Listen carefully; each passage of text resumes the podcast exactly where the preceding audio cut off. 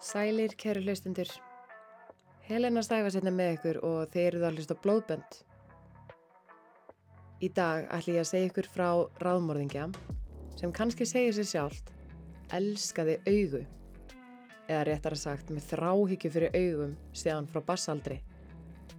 Okkur allir það sé. Þátturinn er í bóði blöss og prentagram. En eins og alltaf minn ég á að þátturinn er ekki við hæfi batna. The Eyeball Killer.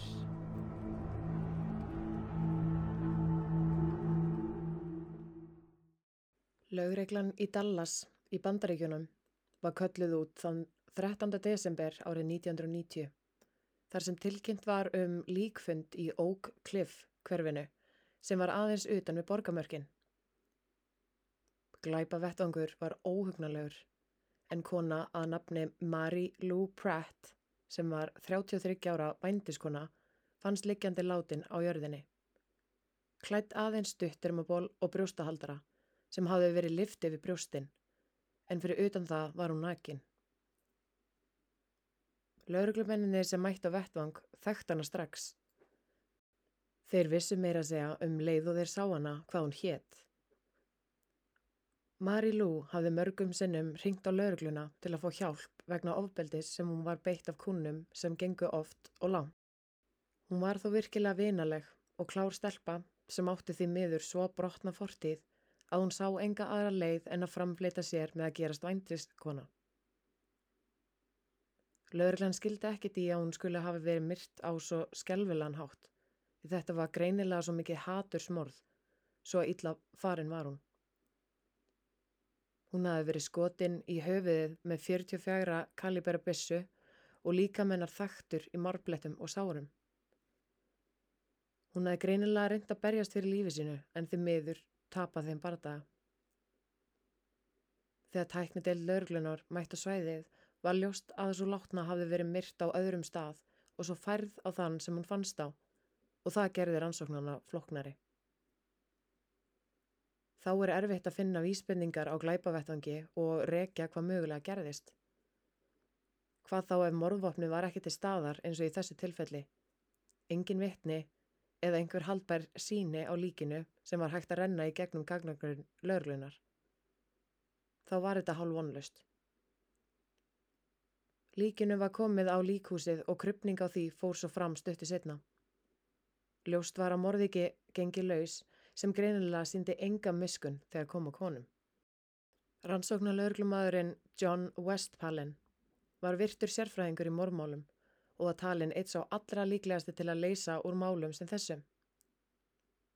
Hann tók við krypningarskísli Mary Lou. Hann byrjaði að lesa.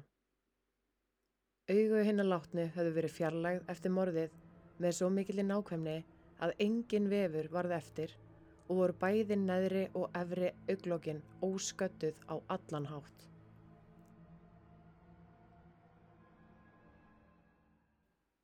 John ætlaði ekki að trúa því sem var að lesa. Hver gerir þetta? Hver er það sem tekur augun úr fórnalampinu sinu? Eftir þessa sláandi fréttir hafði John tafalust samband við FBI, ofbeldis og glæpadeildina sem sá um og heldur utanum skýrslur allræmdustu morðingjana. En það var lítið að fá upp úr þeim. Því John var sagt að ekkert morð eða mál í líkingu við þetta hafði verið skráð í gagnagrunnin áður. Það var í rauninni ekki tækt að gera og engin slóð til að rekja. Hver ætli tilgangurinn hafi verið með að taka augun? Er þetta eitthvað læknir? Það hlaut allavega að vera að einhver sem kann skurrlækningar hafi gert þetta þegar nákvæmnin var svona mikil. Manneskja sem kann ekki tæknina við þetta getur varðla gert þetta svo fagmannlega og snirtilega. Margir skurrlæknar hjúgrunafræðingar og aðrir heilbreiði starfsmenn voru yfirheyriðir en enginn virtist tekka í bóksinn með að vera svo seki. Svo liðu dagarnir og allir sem komu að málinu klóruðu sér alltaf jafn mikið í hausnum.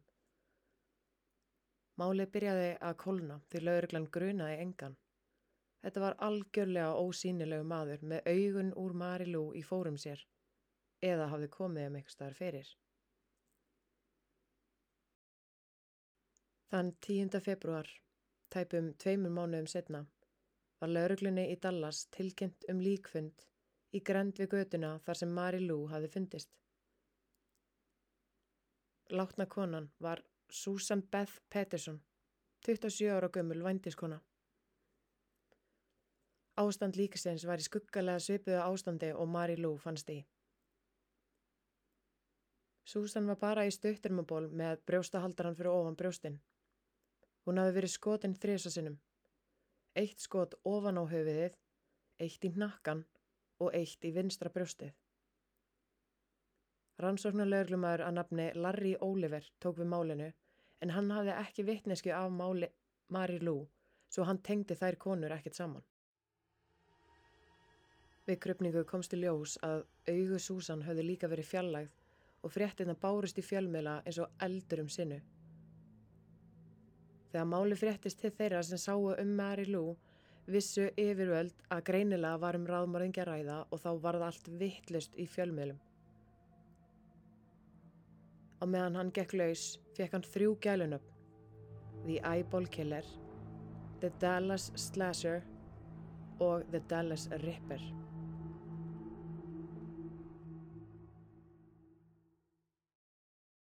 Fólk keipti auka læsingar á hörðarnar og glukkana hjá sér og það sást valla ein manneskja úti á gödum hverfisins eftir myrkur. Morðin voru á vörum allra íbúa. 19. mars, rúmu mánuði setna, var lauruglan kölluð út aftur en í þetta sinn hafði líka af konu fundist í nágrinni við grunnskólan í Oak Cliff. Þjónustustúlka hafði verið á leið heim gangandi af nætuvakt um klukkan 6.20 um morgunin og gengið að nöktur líki konu sem lág á jörðinni skelvilega á sig komin. Börnin sem voru á gangi í áttaskólanum gáttu séð nakta líkamann liggjand á jörðinni sem var sjón sem ekkert barn ætti að sjá. Látna konan var Shirley Williams sem var einni vændiskona. Hún var með marbletti í andlitinu og var greinilega nefbrotin. Hún hafi verið skotin í nakkan, greinilega á stöttu færi því kúlan hafði farið í gegnum höfuðið. John Westpallen, sem sá um rannsóknina á morðinu á Mary Lou, tók við máli Shirley. Þegar John kom á vettvangin og sá líkið, begði hann sér niður og virti það fyrir sér. Hann bað starfsmann tæknitildar sem var að rannsaka vettvangin að opna annað auglókið til að aðtöga hvort auðað vantaði í hana og viti menn, bæði augun höfðu verið skorinn úr.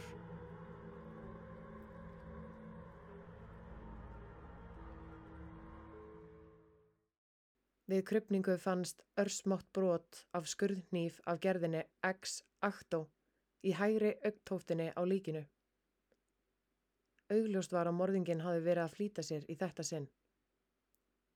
Hann var greinilega farin að losa sig við íllafarin fórnalum sinn hvar sem er og nær almenningi. Hvernig gæti hann komið líkinu þarna fyrir á þess að eitthvað sæi til hans? Svæðið var vel opið og hann hefur tekið stóra áhættu með að skilja líkið eftir þarna. Hvað var máli með að taka augun svona úr þeim? Hvað ætla hann gerði við þau?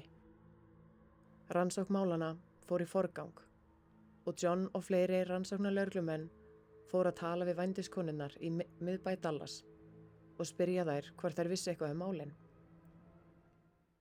Eftir nokkrar miðsefnaða tilrinir var rætt við vændiskonuna Vero Veroniku Rodríguez en hún sagðist að hafa heyrt hóp af kunningum spjalla saman um einhvern mann að nafni Charles Albright sem hittist undum vændiskonur fyrir kynlífstjónustu. Hún sagði að sá maður talaði mikið um augu og vildi virða augun í vændiskonunum fyrir sér sérstaklega og hann talaði líka um að hann ætti mikið sapn af skurðablöðum því hann væri læknir. En hún sagði að hann væri ósköp saklaus í útliti og virtist vera hinn vennilegasti kunni sem skorti bara kynlíf heima á sér og væri þess vegna að kaupa kynlífstjónustu á vændiskonum. Þessar upplýsingar voru nægar til að John taldi að svo segi væri fundin og fór á fullt að hafa uppi á manninum. Þegar nafni hans var slegið inn í gagnagrunn lauruglunar var hann svo sannlega þar, en aðalega frá því að hann var yngri. Þetta með augun var bara of sérstakt og að hann skulle hafa talað sérstaklega um það við vændiskonunnar var John 100% á því að þeir myndi stöðva þennan sjúka morðingja fyrir fullt og allt. Lögreglan fekk í gegn húsleitar heimild á heimili Charles og nú var ekki eftir neinu að býða. Lögreglubílanir þeittust á stað með bláu ljósin á. En nú skulum við taka okkur örstutta auðlýsingapási.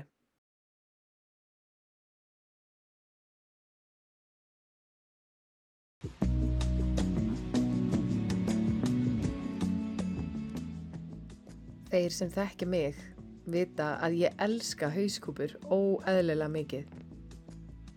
Það er eitthvað við þær sem að heilla mig bara alveg upp úr skónum. Ég rakst á listamann sem heitir Ragnar Hafþórsson en hann heldur úti Facebook síðunni Hafþórsson Handverk. Hann verkar sjálfur flestar hauskúpunar og eru þær allt frá minga hauskúpum og upp í krókodila hauskúpur. Og ert að fýblast í mér hvað þær eru flottar. Þið verðið að kíkja og sjá þetta hjá honum. Verðin eru líka geggjuð. Síðurnar eru Hafþórsson handverk á Facebook og á Instagram og hann býður oft upp á alls konar afslætti. Svo endilega kíkið á þessa snild hjá honum.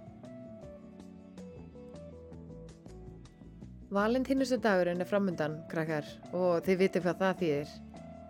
Að gleðja elskun ykkar á einhvern æðislegan hátt. Hjá Prentagram getur prentað út myndir af ykkur í myndabók, á glasamottu, í ramma eða á fallegt valentínusunkort til dæmis. En taland um kort, þá er líka svo auðvelt að búa til fermingakort í hönnunaforritun á prentagram.is og hei, myndi eftir afsláttakóðanum blóðbönd fyrir 20% afslátt.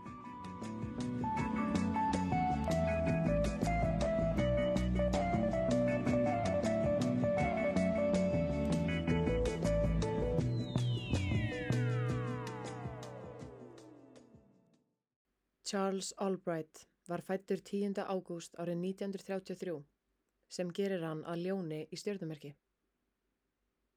Þegar hann var þryggja mánaða gamall kom blóðmóðir hans með hann á munaðleysingja hæli og skildan eftir. Hann var fljótlega eftir komið þangað ætlitur af hjónunum Fred og Dell Albright sem byggu í Amarillo í Texas.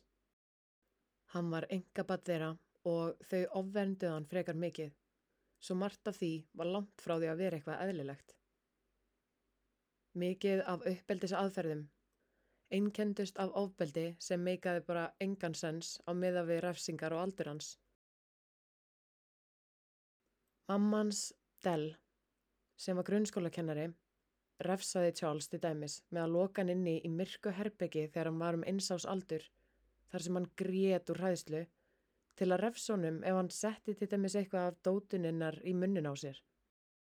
Þegar Charles var erfiður við að vilja leggja sig á daginn, batt Della niður í rúmið og raskjalt hann þegar hann vildi ekki drekka allan pelan sinn.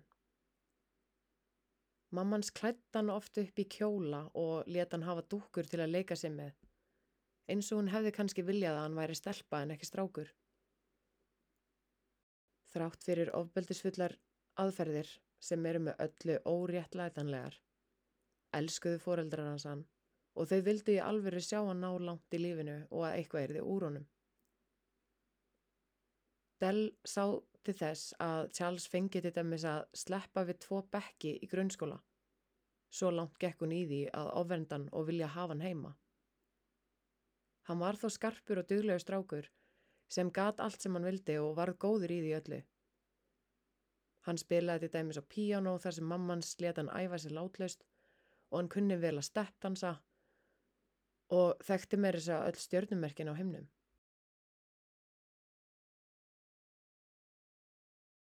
Þegar Charles fekk fyrstu bissunu sína var það gjöf sem hann fekk frá móðu sinni. Þá var áhuga hans á að skjóta eitthvað með henni ekki snúið við. Hann skaut öll smádýr sem hann sá til dæmis íkorna, fuggla og kaninur og mamman sínd honum svo hvernig dýr eru uppstoppuð. Charles var þá heldtekinn af því áhugamáli. Mamman sínd honum hvað verkværi voru nótið til að skera hauskúpuna á dýrunum, hvernig skeiðar hann ætti að nota til að auðsa heilanum úr þeim og hvernig ætti að taka lífærin úr. Hún kendi honum líka allt um skurðarnýfa og hvernig ætti að skera úr dýrunum augun. Bara eins og við kennum krökkunum okkar er það ekki?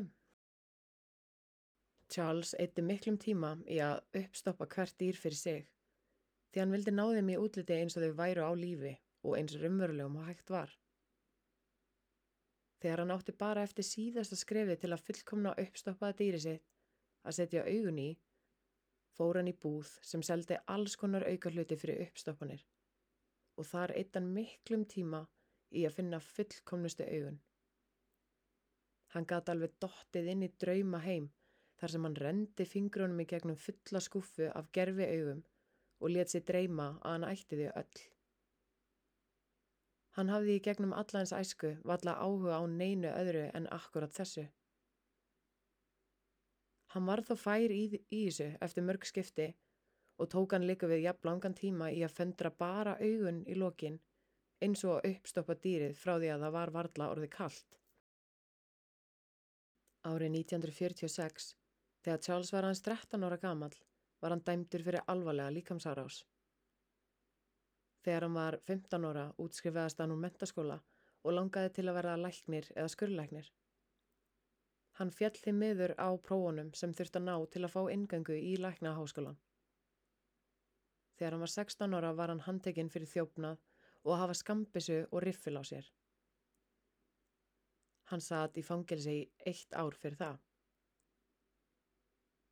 Árið 1951 þegar hann var 18 ára var hann dæmdur í fangelsi fyrir þjófnað og að kaupa stolnar vörur.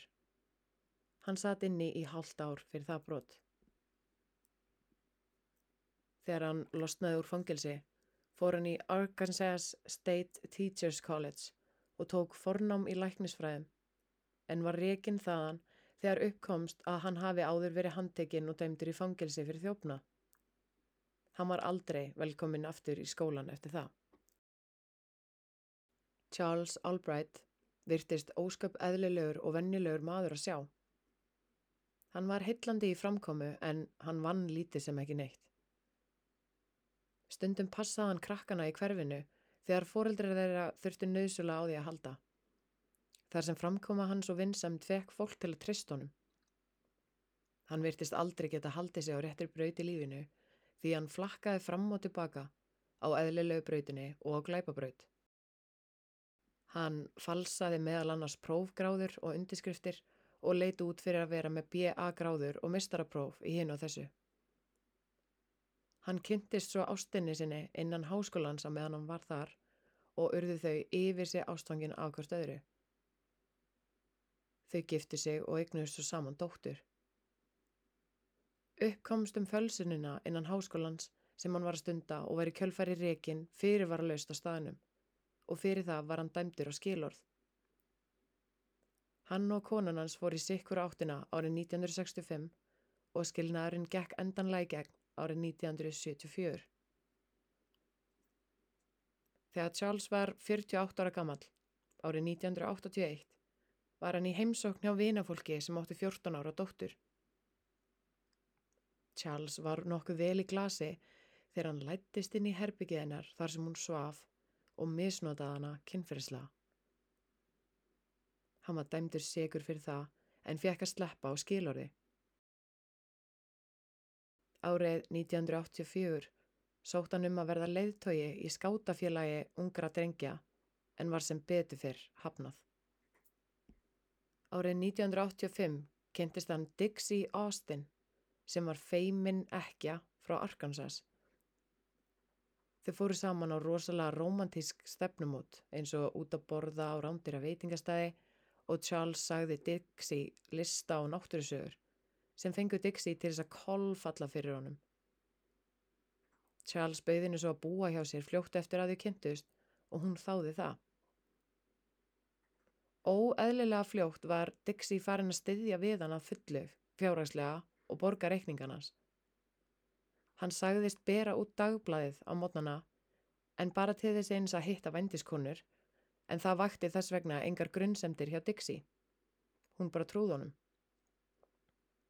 En þar með breytist Charles úr því að vera þessi hverstaslegi vennulegi maður yfir í The Eyeball Killer. Lögreglan handtók Charles þann 22. mars árið 1991. Við húsleit á heimilans fundust óteljandi skurðanhývar á samt tugum bóka um sannar glæpasögur og raðmóringja. Bissa fannst á heimilans sem var talið vera morðvapnið en svo var ekki. Hárþræðir sem fundist höfðu í riksugunans pössuðu við hársíni sem fundist á öllum þremur glæpavettungunum, svo það dugði til að neglan. Dúkkur fundist heima hjá honum sem að augun höfðu verið tekin úr og einni fundist bækur um nazista. Réttarhöldinni við Charles hófust annan desember árið 1991 og af þeim sögum að ekki nægilega mörg sönnunagögn voru til staðar, neittust saksóknarar að vísa kærunum frá er vörðuðu morðin á Mary Lou og Susan Beth. Hann var dæmdur í lífstíðarfangelsi í West Texas Regional Medical Facility án möguleika á reynsluleust en aðeins fyrir morðið á Shirley Williams. Charles dó svo innan veggja fangelsisins 22. ágúst árið 2020, þá 87 ára aldrei. Alveg til dauðadags hafði Charles N. óbílandi þráhyggju fyrir augum.